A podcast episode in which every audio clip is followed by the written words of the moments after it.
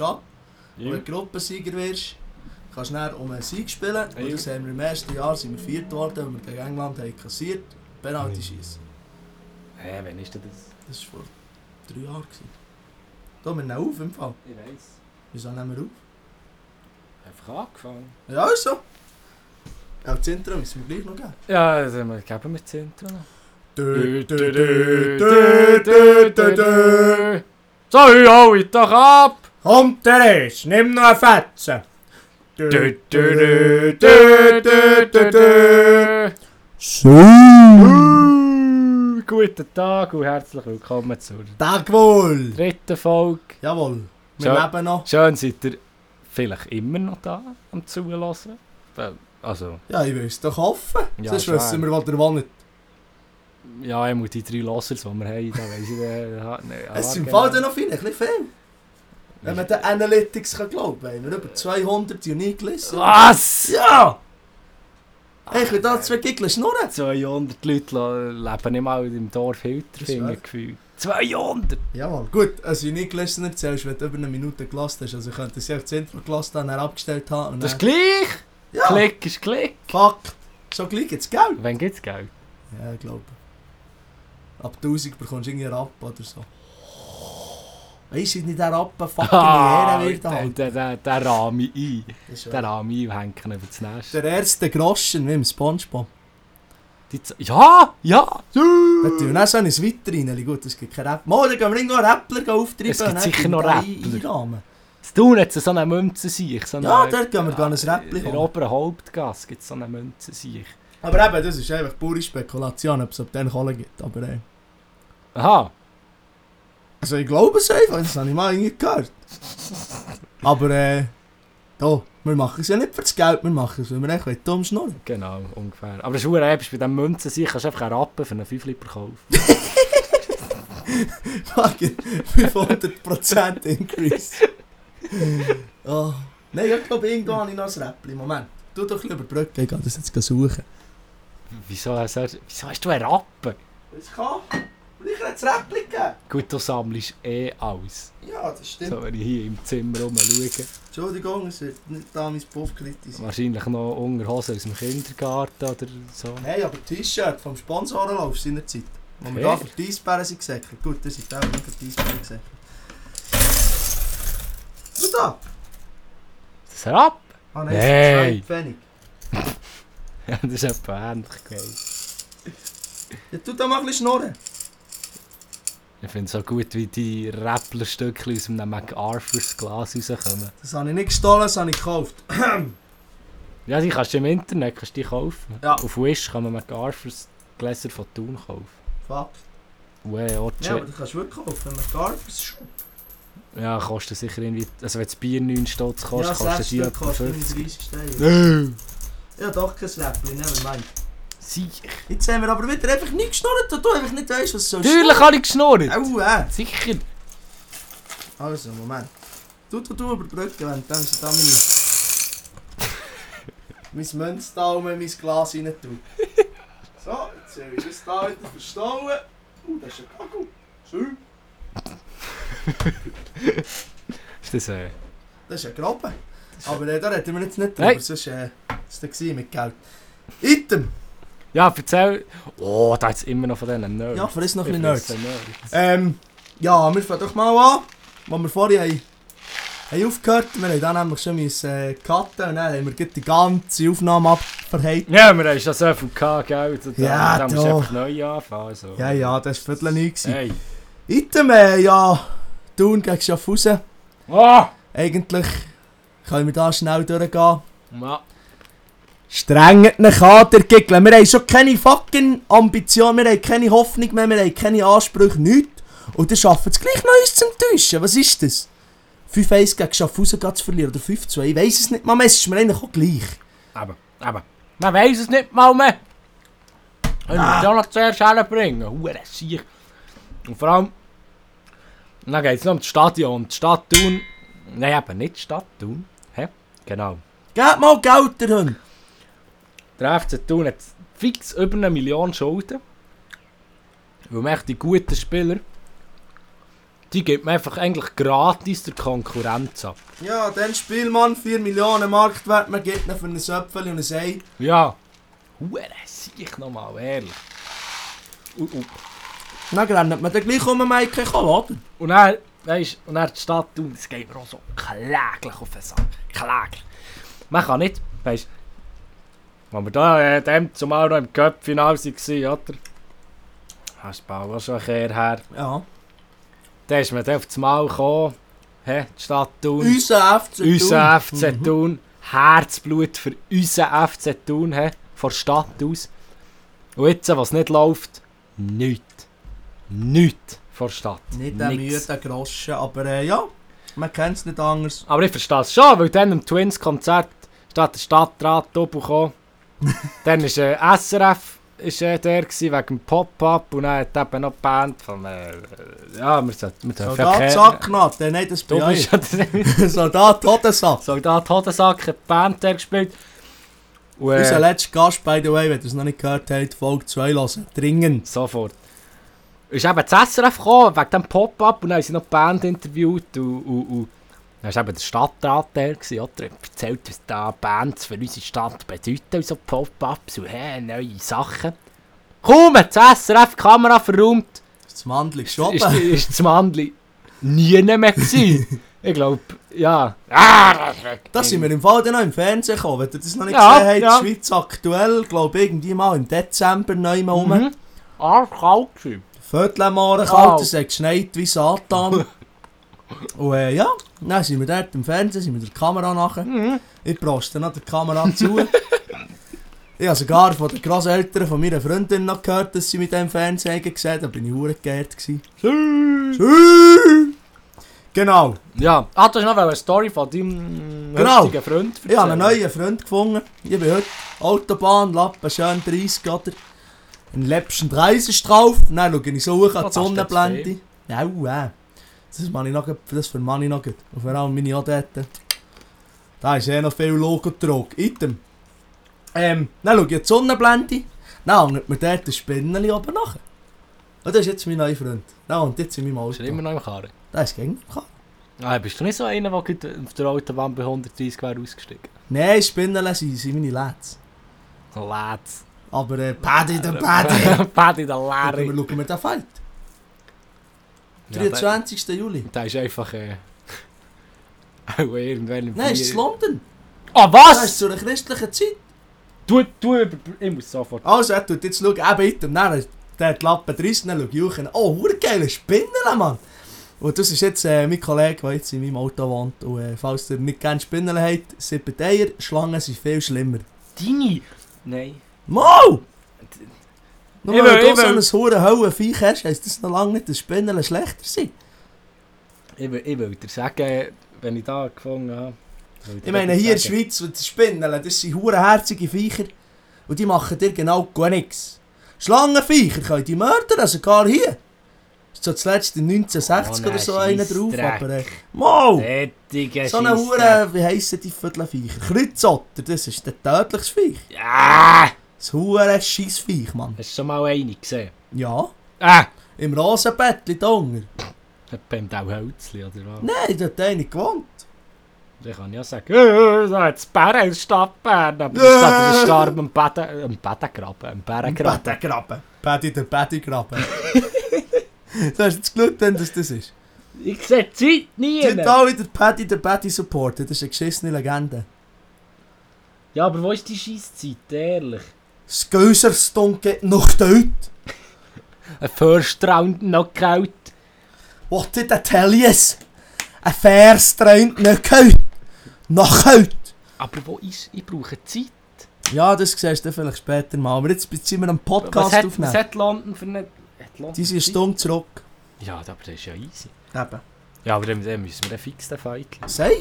Paddy der fucking Paddy, die geschissene Legende. Eben wegen der Schlangenviecher. Ich habe ja ein Schlangenviech daheim. Bäh.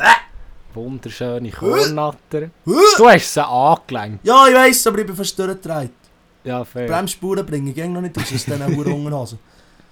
Vor allem dann, als du sie gefahren hast und ich das Gefühl hatte, sie hat die Maus schnurren, dann bin ich so Huren nachgefilmen, dann hat sich der Film umgegangen. Alter, holy shit!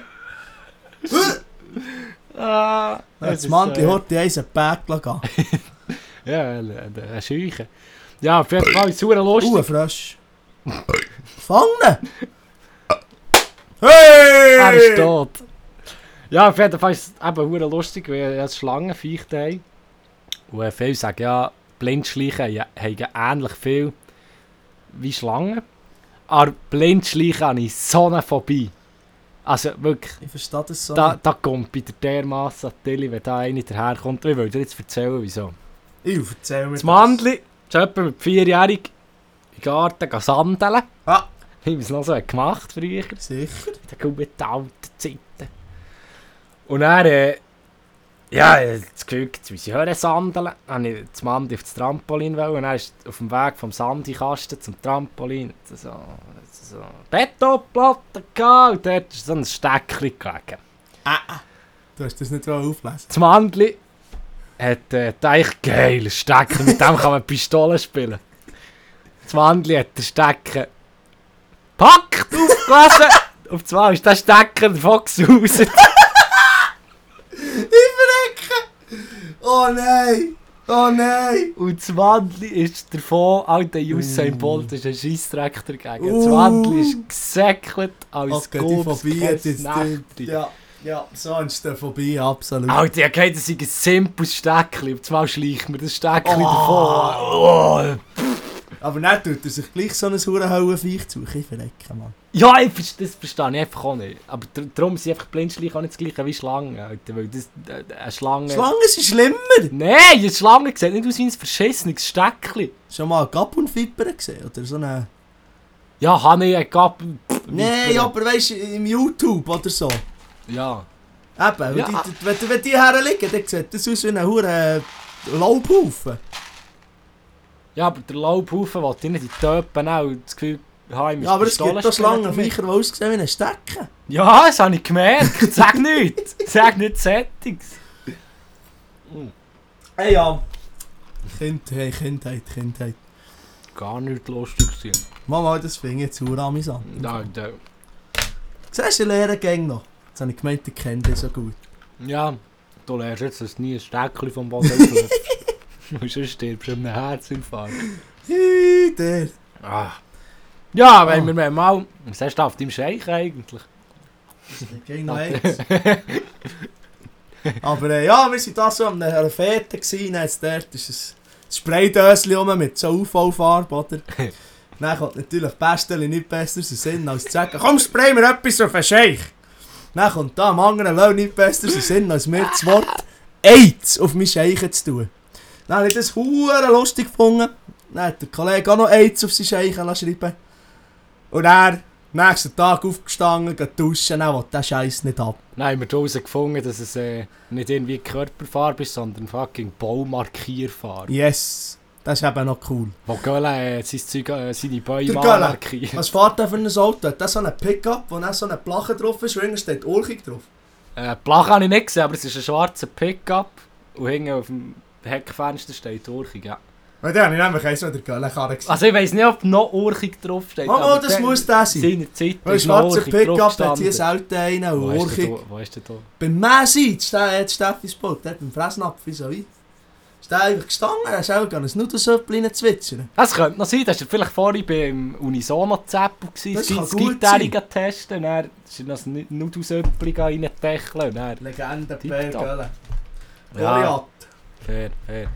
Ja, wir könnten mal zum, zum, eben, zum Gast kommen. Ja, wir haben heute wieder, wir haben heute wieder einen Gast.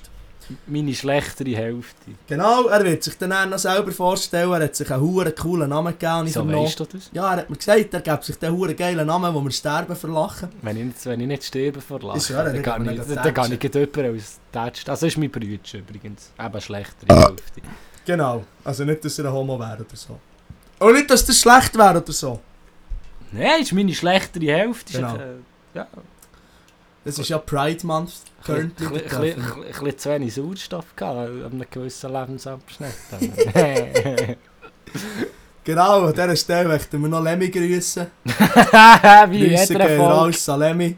Und dann wollte ich noch einen weiteren Gruß geben zu meinem Bürokollegen. Ich habe ihm gesagt, er soll heute oder morgen gleich hören. Er hat gesagt, ist gut. Sehr Wenn du gut. das hörst, Chef, Deli, schüttet ihr dem Mann nicht die Türen ein. Weißt du, wir gehen darum ab, wenn wir dann ins Büro gehen, die Tür ist zu, dann müssen wir mit dem Fuß die Tür auf. Dann stehen wir ab, wenn so drin ist. Das ist lustig. Ich mache mal noch ein bisschen Werbung. Morgen ist Standort Ostermundigen. Wird der Standortleiter Keip, äh, der- der ist passioniert. Und es ist eh noch Buttenfete. Ew. Dann, weil ich dort grad vor diesen 600 Leuten stand ich her und so. Was Äh! Freunde, jetzt wird, jetzt wird Podcast gelassen. Nein, Genau. genau. 600 los. Ja, dann gibt es schon fast Stutz. ja. Ja, genau, fair. das ist gut. Dann kannst du noch gleich sagen, oder- dann darf man das nicht publik machen, wegen deinem Kappenkäsegläschen. Nein, eigentlich nicht. Also, dann tun wir das ignorieren. genau. Also, du jetzt da dein... Also, dann wollen wir doch mal unseren Gast. Alter, wär's keine gute Frage. Der selber nicht in die Reihe durch. Also, da wunderbar. Äh, jetzt noch nummeriert, schau mal. Frage 1, Frage Gott 2, Frage 3 sei- und der Sind Musikwunsch. denn noch lang, die Keibenfrage? Ja, die geht dann noch fein. ein bisschen. Also, ich will da mal das Böckchen rein. So. Genau, Frage Nummer Braucht's 1. eh nicht. Hallo zusammen, hier ist Matros, Kajütenbettnetzer, Ankersetzer.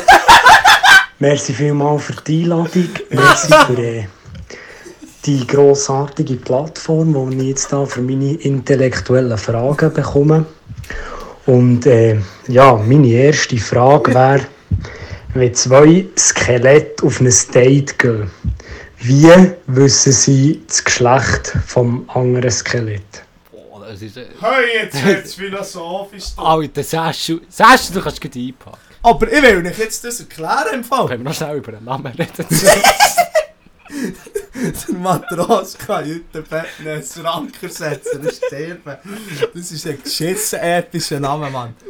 Geschissen episch. Wir haben auch alle schon mal müssen den Anker setzen, darum äh, ist der Name durchaus relatable. Alter, bist du eine Legende, ich sterbe. Ich habe nie mit so etwas gerechnet. Nein, ich habe mit allem gerechnet, aber nicht mit dem. Hey, der Mann ist vorbereitet, das ist nicht normal. Aber auch die Frage... Also ja, ich ah, Also, die vorher Frage ist gesagt, eine gute beim Rauslaufen, aber ich we- weiss nicht, wie viel das... Egal. Die Frage ist... Also Saschu, ich kann gut einpacken, vor allem mit Trauen hoffentlich nicht zweimal die gleiche Frage Nein, stellen. nein, er hat das da fein säuberlich. Eine geht 29, eine 20, eine 19 Sekunden. Tipptopp, tipptopp. Und der Songwunsch ist verdammt lang, 43 Sekunden. Ich habe ihm gesagt, mit Begründung. Ah, das ist gut. Gut. Also, Ja, ja, also. also. auch noch Songs für drauf, aber Ja, die ich tun ich auch. dann nicht begründen. Ich kann nicht. Mal vielleicht muss, muss ich einen verrebeln. Ja, ja, ja, ja, das tun wir dann auch noch. Aber ähm, äh, wieso? Wie, wie, wie weiss man das Geschlecht, was du? Genau, ich will euch jetzt sagen, warum. Und zwar hat der Mann ein Röppi weniger als die Frau. So ein Das Scheiß. ist ein Fakt. So ein Du hast Scheiß. googeln. Wieso? Für was? Ja, weil wo Gott die Welt hat geschaffen hat. Es hat zwei Leute gegeben. Ja. Also zuerst hat es einen gegeben, der Adam mit seinem Sack. Und dann hat er dem ein Röppi genommen und hat daraus die Eva gemacht. Darum haben wir ein Röppi weniger. Das ist ein Fakt. So ein Scheiß. Mann, ich gehe das jetzt googeln. Ja, Also, tu das googeln. Das ist wieder gefährliches Halbwissen. hier. Ja, ja, ja. das- Also, das will ich dir nicht abkommen. Mau. Nein. Mal, mal, mal, mal. Also. Vielleicht hätte er auch müssen. Vielleicht hätte er müssen sich verteidigen. Dann hat er einfach sich ein Rüppchen rausgeschissen. Ja, aber er hat ja schon eine Lanze gehabt. Ja, jetzt hat er noch eine zweite Lanze draus gemacht und dann hat er eben Das ist schon mal gut. Gute Frage. Tiger. Gute, ah, gute Frage, Alter. Aha, es geht nicht um eine Brustrippe, sondern um die Zahnrippe. Was ist ein Zahnrippe? Keine Ahnung. Und da haben wir zwei weniger. Zwei! Ah nein, das ist die Bibel. Hat der Zahnrippe rausgenommen. Eh. Ähm. Ja, ich weiß es ehrlich gesagt nicht. Vor allem scheisst es mir an, die hure lange Antwort zu lesen. Ja, gut. Ja, dann will ich noch meine Theorie äh, in den Raum stellen. Weil ich bin einfach der Meinung, ich weiss haargenau, dass es nicht stimmt. Aber ich bin gleich der Meinung, dass Männer Erzähl. einen Pikerknochen haben. Das soll ich jetzt schon genau sagen. Das ist Die Schnäppelknochen, Leute- natürlich. Man hat einen Schnäbelknochen. Fuck. Ich weiss, dass, dass, dass man das nicht hat, aber man hat es. Man hat's. Man hat es. Also jetzt in diesem hypothetischen Szenario hat man Schnäppelknochen. Jetzt, zu, zu dieser Frage hat man einen Schnäppiknochen, weil man kann sich das Schnäppi brechen Fuck. Und Und was dann- man kann brechen ist Knochen. Genau. Genau. Ja, Ja, die Frage haben wir ja, beantwortet. tipptopp. Dann gehen wir über zum 2. da wieder einstecken. Ich hoffe, es knutscht jetzt nicht zu fest. Das ist kein Bluetooth. Nee, das ist also, das ist eben noch alt. Ich sehe, die drei iPod. Au! Der Hölsenhaller in klein. Also, Meine zweite Frage ist eine, die mich immer noch beschäftigt und die nicht abschließend beantwortet ist. Darum ähm, ja, müsst ihr jetzt nochmal diskutieren darüber. Und zwar kann man den Anker auch an die Wand setzen. das ist eine sehr gute Frage. Und wenn man mich fragt, Nein, ist das nicht möglich. nein. Weil der Anker beim Schiff kannst du ja nicht einfach auf ein anderes Schiff Ich machen. jetzt gerade sagen. Verdammt nochmal. Genau. Und du kannst noch nicht am, am, am Schiffswand oder wie man dem sagt, kannst du da auch Weil, nicht Oh, ja, her tun. weil der Anker beim Schiff, der muss, d- d- das geht nur, wenn er am Boden ist. Genau. Und darum musst du ja, wenn du den Anker musst setzen musst, einfach den Scheich zum Nest haben. Sonst geht das nicht. Ja. Weißt du, Und wenn du so- richtig Zwerg bist, dann musst du beide setzen. also entweder bist du blöd der Face oder hast du so ein kleines Nest mit beiden Anker. Ja, dann musst du halt hier so, wie du jetzt hockst, über den Mecken. Dann legst du quer über das Nest ein. Und dann hast du links und rechts hast du den Anker gesetzt. ja, fair. Weißt du, was verdammt lustig ist? Ja, beim Anker, beim Schiff, ich weiß nicht, hat mir das eigentlich mal Rickli erzählt? Oder ich weiß doch auch nicht. Eigentlich sei es, Meister vor Trünknis. eigentlich, eigentlich sei es die Kette, die das Schiff dann hebt. Ja, so ein Scheissdreck. Für was hat er den Haken Der Anker sei mitgeschlichen? nur, der Anker sei nur, dass etwas am Boden ist und die Kette hebt dann eigentlich das Schiff. Was ich Ja, verdammt wenn nicht du rauskomme bei Hungerleine hast, dieser... dann hast du ja der hat die Leine, ja der Hunger. Ja, Aber aber- du bist der, der die Leine hat. Ich verstehe Und du bist wieder Anker vom Die Hund. Theorie ist mindblowing, weil das. Ja. Nein, weil, nein, nein, das- nein, für was hat das ein Nein, eigentlich Strafe, ist sie so nicht zu sein? mindblowing, weil eigentlich, sie macht überhaupt keinen Sinn. Nein. Also für mich macht das, also vielleicht können uns da unsere nautischen Zuhörer mal aufklären. Aber ey, ich finde, das ist Habakuk. Oh, mein Cousin ist ja Matros. Grüße gehen raus an Matros Cousin. Ja, hoffentlich lässt er es, dann kann er mir das geben. Tu das mal, tu das mal beantworten. Tu das mal mit dem Hölsenhalle schreiben. Ja, Bitte eine aber- Sprachnachricht vorn, dass wir das dann auch im nächsten Pod können auflösen Gern, ja. Genau. Aber. äh, Ja, aber. Du hast. Ah, es ist schwierig. Nein, es gibt ja Botli, so wie, wie, wie der Pfupf, der alte bekannte Pfupf. Und der hat das Seil, glaube ich, am Anker, wenn er überhaupt einen Anker hat. Und der, das Seil ist ja dann nicht geht's stark, nat- also ist ja dann nicht schwer geht's- dann genug, um geht's das nat- Boot zu ja, fixieren. Ja, aber- dann geht es natürlich nicht. Ja, und die Kötti hat logischerweise das Boot, weil es muss ja etwas am Anker dran sein und am Boot, dass das Boot nie nachher geht. Aber Aber Kötti ist auch bleischwer. So eine richtige Ankerkötti. ja, aber die ist ja dann im Wasser und im Wasser sind wir auch nicht blei schwer. Aber der Anker ist ja potzmaren schwer.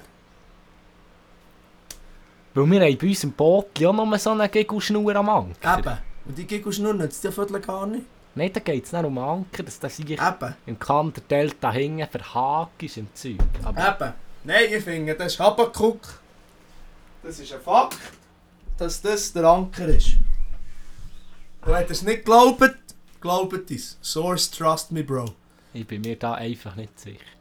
Nein, ist echt ein Fakt. Weil wieso sollte man so eine bleischwere, eben da die grossen Schiffe, wieso haben die so eine bleischwere Kette, wenn man einfach auch in so ein Tauch, weißt du, ein hure feisses Seil könnte nehmen. Ja, Das macht schon, es, es macht schon nicht so Sinn. ja aber, aber weisst, es macht ein doch überhaupt Seil, man keinen kann Sinn, den dass verdammten nur... Anker auch nicht haben. Die Anker, die sind 10 Tonnen schwer. Eben, darum nimmst du, weißt du, wie, weiss ich auch, bei den Schotten, bei den Highland... Hi- Ah, oh, sie zeigen Hi- rummeien. Was ist Heil, Heil, Highland Yes, Games. Ja, merci. Highland Games. Dort haben sie ja... Oder, oder der Drachenschwanz in der Turnhalle. So ein Fettseil, meine ich. Echt noch Ja, fett. Mag er das 10 Tonnen haben? Ich bin, ich bin nicht schlüssig. Nein, ich bin schlüssig.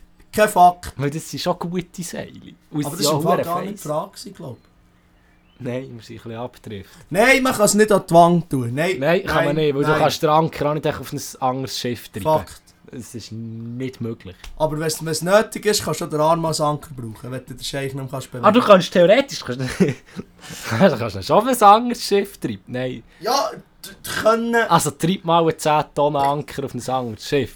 Da fängt es schon an mit dem Problem. Genau. Aber wenn er nicht dort wäre, Weil dann Den würde würdest dann- du schon haben. Weil dann würde dann vielleicht das Schiff untergehen, dann wäre ich das ganze andere Schiff dranker. Das war jetzt ein hoher Tobeli Antwort. gewesen. Aber äh, ja, mal eigentlich schon. Kann ich nichts dagegen aussetzen. Ja, Ja, ja. also in meinen Augen, in meinen Augen, nein, kann man nicht. Man muss einfach den Scheich raus haben. Ja. Das Boden. Sicherer Grund. Weil der dreht es dann auch nicht mehr. Ich weiß es nicht. Ja, item. Ich bin mir, nicht, ich bin mir einfach nicht schlüssig. Fahren wir weiter. Weil wenn ich ziehe. So. Ja, jetzt tu das mal, tu das mal demonstrieren, genau. So siehst du zwar nicht, aber ich will es dir bildlich erklären. Also, er liegt jetzt auf dem Rücken wie ein Käfer. Also, ich habe das Gefühl, oh, da ist das Putzli. Ja, tu mein Putzli nicht zu fetzen machen. Das ist ja nicht stabil, das Putzli. Nein, ist ja nur vom Aldi. Ah, ist nicht das Renault-Putzli. Nein, mal dann nicht, aber auch vom Aldi. Also. Komm, komm, komm ich heim. ne? Genau, dann bist du einfach Flatte, oder? Ja, vor allem ist es doch auch nicht angenehm, wenn du den Anker an die Wange setzt. So. Das ist nicht langweilig. Jetzt, wenn es ganz drauf war. Genau, du musst beide Anker setzen, genau. Ja, nein, das... Das ist plausibel. Jetzt müssen Aber die Wange dort hinten, genau, jetzt kehrst du die eins. Weil ich mich da kehren. Ih, Füße auf dem Küssi, das ist der Oh. Fein. Wie im Hodensack sind die Stimmen. Ah, Alter, am Hodensack seine Stinkfüße, das war gar nicht mehr schön. Gewesen. Zwei Tage später hat mein Zimmer noch nach fucking Käsefuß gemeckert. Vor allem so einen hohen essigen, essigen Keit, das war ganz wüst. Gewesen. Freundin vom Hodensack, wie haltest du das aus? Ich verstehe das nicht. Ja. Das wäre für mich Nein, ein wir dürfen keinen Trennungsgrund. Namen sagen. Ja. Also, jetzt- Nee, aber das ist ja schon allein mühsam. der Huren Anker an die Wand. Nein, das ist gar nicht. Das ist ja dann... Nein, nein, das- nein. Der rutscht ab. Nein, das ist gar nicht. Unmöglich. Da rutscht es ab, da drückt er die Huren Kante in den Knöchel. Nicht, nein. Nein, Mythos zerstört. ich bin mir schlüssig. Jawohl. Undenkbar. Genau. Anker... Das ist dumme Gugus. Nur zu Boden setzen. Dumme Gugus ist das. Also, wir fahren weiter. Ähm. Warte, du kannst hier selber suchen. Genau, wir fahren weiter mit Frage 3. Also bis jetzt sind es Sehr. Mörderfragen, sehr geile Fragen. Sehr potent. Ja, genau dort. Also. Jetzt will ich nochmal das Plagschwere Sauböckchen haben. Und meine letzte und dritte Frage wäre, wenn ihr eine Firma, Verein, Institution, Organisation, was auch immer, könntet verbieten, weiß gerne. welche wäre das und warum? Ah, jetzt muss ich es noch begründen. Das ist so ein Wichser. Ich weiß genau, wieso er das gefragt hat. Institution Ich zum weiss. Verbieten. Ich weiß.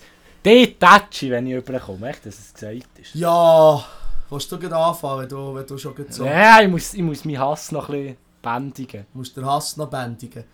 Ähm, ja, ich muss jetzt schnell überlegen, das ist eine gute Frage, aber äh, Aber ich will, ich will es gleich anfangen. Es ist, es ist so. Äh, nein, ich, ich darf es eigentlich nicht sagen, weil. Nee, Es ist, es ist, es ist, ein, bisschen, es ist ein bisschen heikel. Weil äh, ich bekomme ja gerne noch Bewertungen und alles. nein, du, du, du, nein. Nichts hätte ich sagen.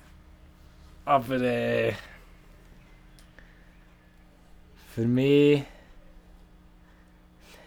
Nein, nein, ich kann es ich kann's nicht sagen. Es ist, äh, Ich wäre weil dafür. man weiß nie, wer das lässt. Eben, Eben, Ah, ja, das ist gefährlich, das ist gefährlich. Nein, lass, lass sein. Nein, Du ähm, weißt es selber haargenau, du Arschloch. die eh, Strassenverkehrs, die Verkehrsbehörde Wow. von Thun. Die sollten alle zusammen an die Wand stellen und den Sackkartell nageln.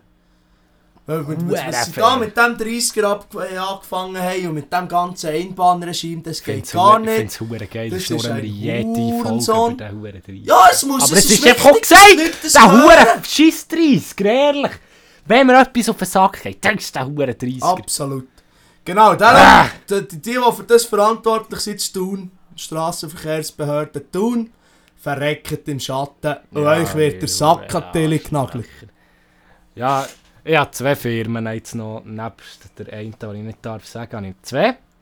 Einerseits ist äh, eigentlich das ganze eh, Strassenverkehrsamt äh, im- der ganze Kanton Bern, weil ich weiß nicht wieso, aber es kann es doch nicht sein, dass du, wenn du dir eine verschissene Theorieprüfung willst anmelden gehst einfach mal nach dem Bügel verschwitzt und grusig mit strähnigen, fettigen Haaren gehst du da in so einen Fotobooth, sich an den Bahnhof gehen, für 12 Stutz Fotos machen.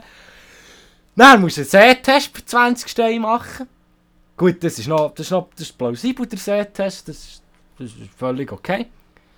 Aber dann, dann läuft es mir der Hut, und zwar dann anders. Dann musst du zur Gemeinde mit den ganzen Fötzeln, dass sie sehen, dass du dope bist, was das so immer soll bringen soll. Dann zahlst du sicher mal 20 Steine, für das du es wieder bekommst, unterschrieben. Dann, ja, nebst den Öffnungszeiten der Gemeinde, wenn es gut kommt, haben sie vom 9 Uhr bis um 11 Uhr off und dann ist die 4 Stunden Mittagspause, Ja. haben sie noch eine halbe Stunde off. Item. Dann, dem- du lässt allein für diesen scheiß Huren Fackel lässt sicher einen 50er liegen. Nur für einen Fackel. Dann musst du die Nummer auch lösen. Kostet locker einen 50er. Lehrfahrausweis 50er. Du, du, so viel Geld. Nur, dass du einfach im Karren hockst. Dann noch die Theorieprüfung, auch noch 50er. Und dann hockst du einfach im Karren.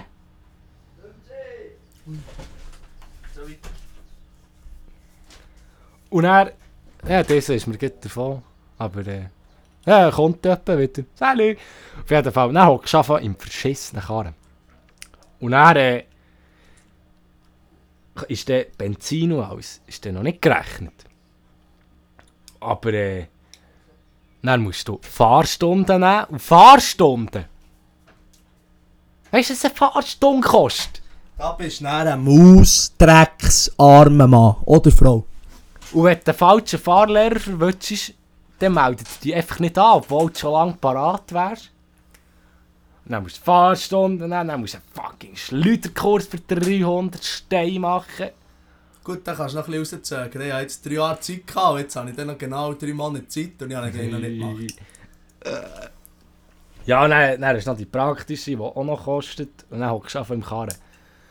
Also so... Ja, dann brauchst du noch das Auto, dann musst du noch Benzin zahlen. Ja. Gott verdammt, 2,23 für einen Liter. 2,23 und Uhr. ein Leber, wenn du an der Tankstelle Ich stehst. schwöre, Mann. Macht mal etwas dagegen, weil die Huren Steuern könnt ihr senken. wir zahlen die euch sonst Deutschen schon haben genug. so gemacht. Eben, man- du Und zahlst wir sind nämlich nicht schuld, ihr Gegner sind schuld, weil dem Gegner dort denen fucking Sanktionen aufdrücken, das ist ja gut und recht, aber dann müssen nicht mehr drunter leiden, wenn ihr die Vorzeit habt, dem jetzt nicht seine Säulen abzukaufen. Ja. Und er, du, du stossest ihn, Handgelenk mal Pi über den Daumen gerechnet, stossest ihn etwa sicher f- inklusive Fahrstunden zahlst sicher 1200 Steine, nur dass du im Karren hockst. Mehr. 1300, 400 Steine. Nur dass du im Karren hockst. Und der teure Spass, der kommt ja einfach. Versicherung, Benzin, Service, Pneu wechseln. Auto Halt an sich. Ja? Nein, ist zum Kotzen, es ist, äh, ja. Nein, wir können. Nein. Nein. Nein. Genau, äh, ich will noch gleich die Organisation, die man kann abschaffen kann, der fucking Bundesrat. Noch nie sieben unfeigere Gegner gesehen. Ich bin der Bundesrat, der Alain Berset. Nein. Was die, Alain- jetzt, Oh, der- was der die sich Alain in den letzten Bierset. Jahren geboten haben, es ist unglaublich. Wieso? Also, das, das stört mich jetzt nicht. Ja, Oder- mal oder ich generell hätte der ganze verpasst. Covid-Gefutz-Zeug da. Mag ja gut sein, aber nein, einfach nicht. Und dann das ganze hure ähm, Sanktionen gefotzt und alles wird teurer und Lohn bekomme ich nicht mehr und es längt einfach nicht. Also, die Sanktionen sind, sind, sind mir eigentlich gleich. Dem sehe ich, muss eins reindrücken. Ja, dort logisch hinten. musst, aber dann musst du schauen, dass es hier gleich Das teuer hat, er, bleibt. das hat dus er dus verdient, du sollst auch nicht anders. Weil ich sein, meine, wir sind ein aber, äh, dreckreiches Land. Aber es, äh, äh, mir geht es eigentlich um das andere. Es wird auch ohne Sanktionen alles teurer. Und Lohn bekommst du nicht mehr. Nein. Und in der Schweiz bekommst du einen Dummy, also der Mindestlohn, in anderen Ländern träumen sie von diesem Lohn. Und das, ich finde eigentlich, von dem sollte man ein bisschen profitieren. Aber und es dann- gibt ja nicht mal überall Mindestlohn. Eben! Eben! Und, und dann finde ich, Gott verdammt, Dann musst du doch nicht hier das Zeug dermassen hochbrettern in den Preisen, nur dass dann der Mindestlohn noch ja fort ist, Ende des Monats. Ja, Alter, nein. Krankenkasse. Ja, Jesus. Nein. nein. Also. Fucking, wenn du Leber äh, kaputt hast, kannst du dir gleich abgeben als Anzahlung. Ja, also, das längt, das längt nicht als Anzahlung. Nein, wenn du nie ein Problem hast, kannst du eine geben. und Eine kannst du als Ja. Anzahlung da lassen. Du kannst noch den linken Scheich abschneiden, können sie dir noch gleich amputieren, ist auch im Preis inbegriffen. Ja, dort. auch Göpfel kommt auch noch gut dazu. ja der Piker kann schon anlegen dort. Nein, es ist, es ist schlimm. Nein, also, da kommt. Get nein, your shit da, da together. kommt sie an den Boden.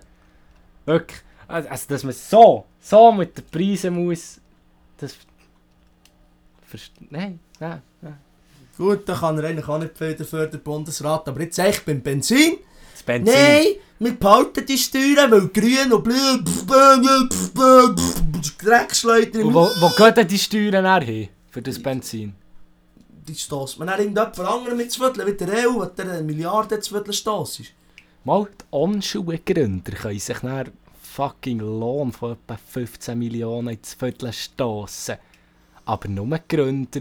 Und die Schuhe lässt man irgendwo im fucking Pakistan, Bangladesch, Bangladesch la, la, la machen und, und schreibt sich gross auf die Fahne, dass, äh, äh, Swiss Design, äh, Schweizer Ja. Marke. Und der Schuhe für Scheisse 350 Steine verkaufen. Und unser Eis muss einfach darben, weil wir eigentlich fast Und nicht es, mehr es, ka- es, kauft, es ist wieder Stöckchen. Der Sieg ist für nichts, der ist bleischwer. Und die Leute kaufen es nur, weil es eine Schweizer Marke ist. Nur wegen dem. Kostet dein Vermögen, ist bleischwer, kannst nicht fahren. Punkt. Ko äh, nur, weil, nur weil drauf steht Swiss Made. Und bei den Ski ist es noch eins. bei den Schuhen, die sind irgendwo im Göttisauce gemacht worden. Ja, ja. Top, es ist wieder heitert worden. Wir gehen weiter zu dem Musikwunsch. Sind wir, nein, die kommen dann am Ende. Aha, kommen die Oder sind wir schon Diamanten? am Ende? Nee. Wir hätten schon äh, zwei, drei... Ja, dann gibt- bringt es noch. Heute gibt es eine kleine kürzere Folge. Man muss dann noch shooten schauen, oder? Ist wichtig. Das Vaterland vertreten. Oh. Ui, aber die ganze Liste die können wir auch nicht abarbeiten. jetzt Nein, noch. nein, nein, nein. Wir- wir- Können wir demnächst, oder? Ja, ja. Ja, ja, da äh, mit dem, mit dem huere Security-Geschehen haben wir gehabt. Es ist echt Ja. wichtig, dass man die halbe Schweizer Armee aufbietet am äh, Down-Match. Am Down-Matcher Challenge League. Ja, äh, der Carlos ist fort, das ist auch gut. das haben wir auch gehabt. Ja, wer kommt jetzt? Ich weiß es nicht. Ich habe ja für ein Dings tendiert, aber ich habe mir das nachher ein bisschen genauer Ich und der angeschaut. Matros fucking Kajetenbettmesser Ankersetzer. Wir machen das tiptop. Ich, ich, also, ich, ui, eh, jetzt habe ich ganz einen guten. Weil wegen dem kann ich auch nicht schlafen. Einmal habe ich das Gläschen gegessen. Und dann äh, habe ich mir Huren an die Schaufel gefroren. Gottlos. Hat's mir Bis ins Hirn hochgezogen. und Bis zu den Hödach.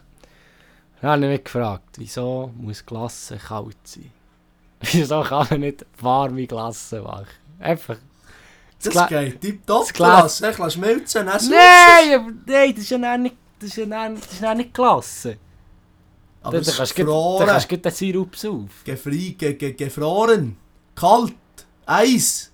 Ja, aber ich will- Der hure Milchtechnologe, sollst du das einmal wissen? Ja, eben, dort setze ich mich schon ein, dass man da mal... Fucking das Geld mal den Tristeck kannst, auf den Mars zu fliegen. Warme Klasse. Genau. Wenn man da schon so viel Steuern für das Benzin... Äh, die die Steuern könnte man mal in ein warmes Gläschen rein- reintatschen. Das ist fix möglich. Du kannst ja einfach...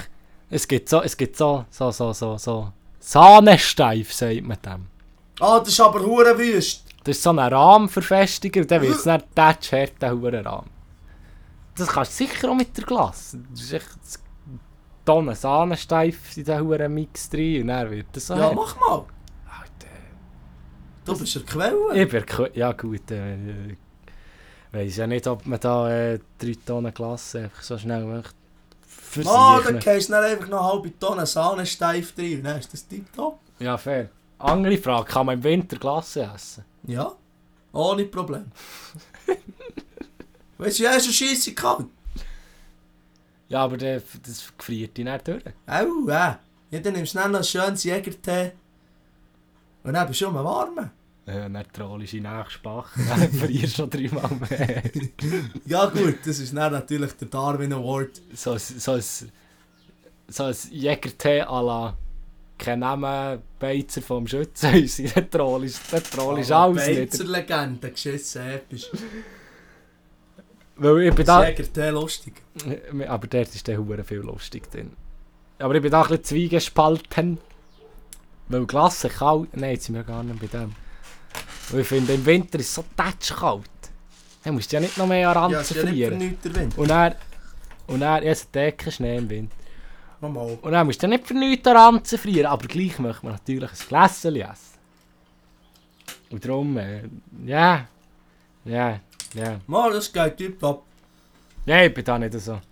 Hey, gehen wir zu den Song wünscht. Also, gehen wir rüber. Beenden wir die Folge. Es soll ja ein bisschen kürzer gehen. Genau.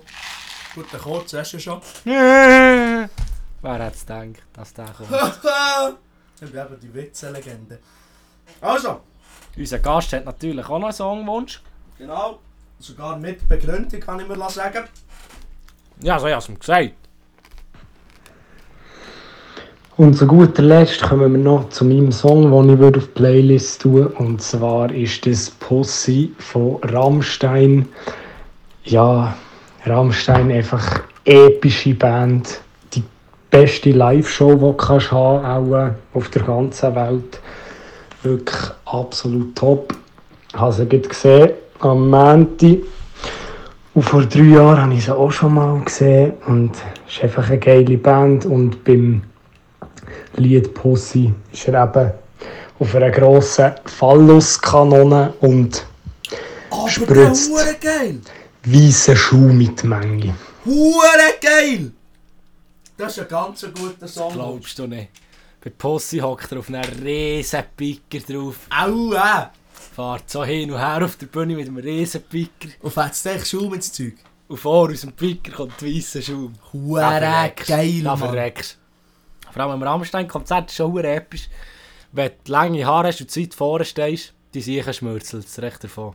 Ja, hure Feuerzeug. Also was die an Pyros und Feuer und... Yes. Also dass dort noch nie einer abgefackelt ist auf der Bühne. Gut, einer, Lindemann hat es mal angebrätelt. Au, äh! Ein Medium Rare hat es gegeben. Sie haben genug früh gelöscht. es gibt so Krusten. hat's gebildet. ja, es verwundert mich nicht. Das war bei uns. gewesen. Weißt du, ich gehe zu Büssigen. Nein, du, gehst jetzt, du musst jetzt schnurren! Ja, der geht jetzt mein Büssiger jagen. Kollege, das ist auf der anderen Seite. Wie so ein hoher Pedobär ist er jetzt durchgesäckelt. Jetzt ist er auf der Pirsch. Jetzt ist er tief gegangen. Jetzt macht's Psst. Ja, und jetzt hat er aufgegeben. Das Büssi ist ihm davon. Es ist im Mischlergarten gesäckelt. Ja, ja, das war's. Was ich auch wollen gehen. genau. Ja, was hast du für Songwünsche? Ich will drauf tun. Dorfkäse vom Janus Christus. Geschissen epischer Newcomer aus, glaub St. Gallen. Ist hure episch. Epischer Sound. Da tut es dir also die Vorhaut zukrümmen. Und da wir da eine Milchtechnologie so wie haben, ist das Lied Dorfkäse absoluter Hammer. Und ich zitiere. Ich drifte mit dem, Krä- mit dem Milchwagen durch den nächsten Dorfkreisel. Und ich bin Milchtechnologe. Kannst du den mit dem Gruyère noch sagen? Das tue ich mir Genau, besser. und dann hat er noch die, die Dorfnutten, brechen seinen Laden ein und wollen ihm den neuen Käse stellen. Und dann filmt er, wenn er sie mit dem Höllengreif den Gruyère holt. genau, das ist ein episches Hurenlied. Ja, ich weiss auch, was ich drauf tue. Und zwar. Aufgrund von.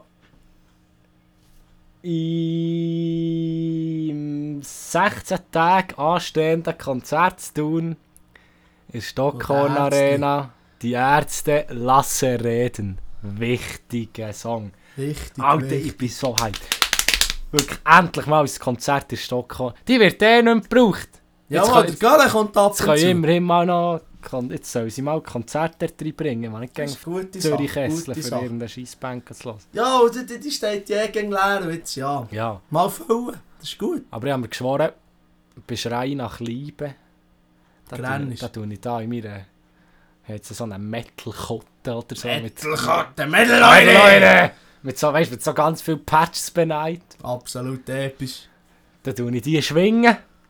Ziehe mein Viertel platt aus. Ist mir gleich wie viele Leute in diesem Der Stadion. sind. Propeller! Ich gebe jetzt einen Propeller, die Leute müssen so ein Episch. bisschen Luft haben. Episch. Das ist eben gut. Ja, das gibt dir noch fein ein bisschen Luft von dieser Route.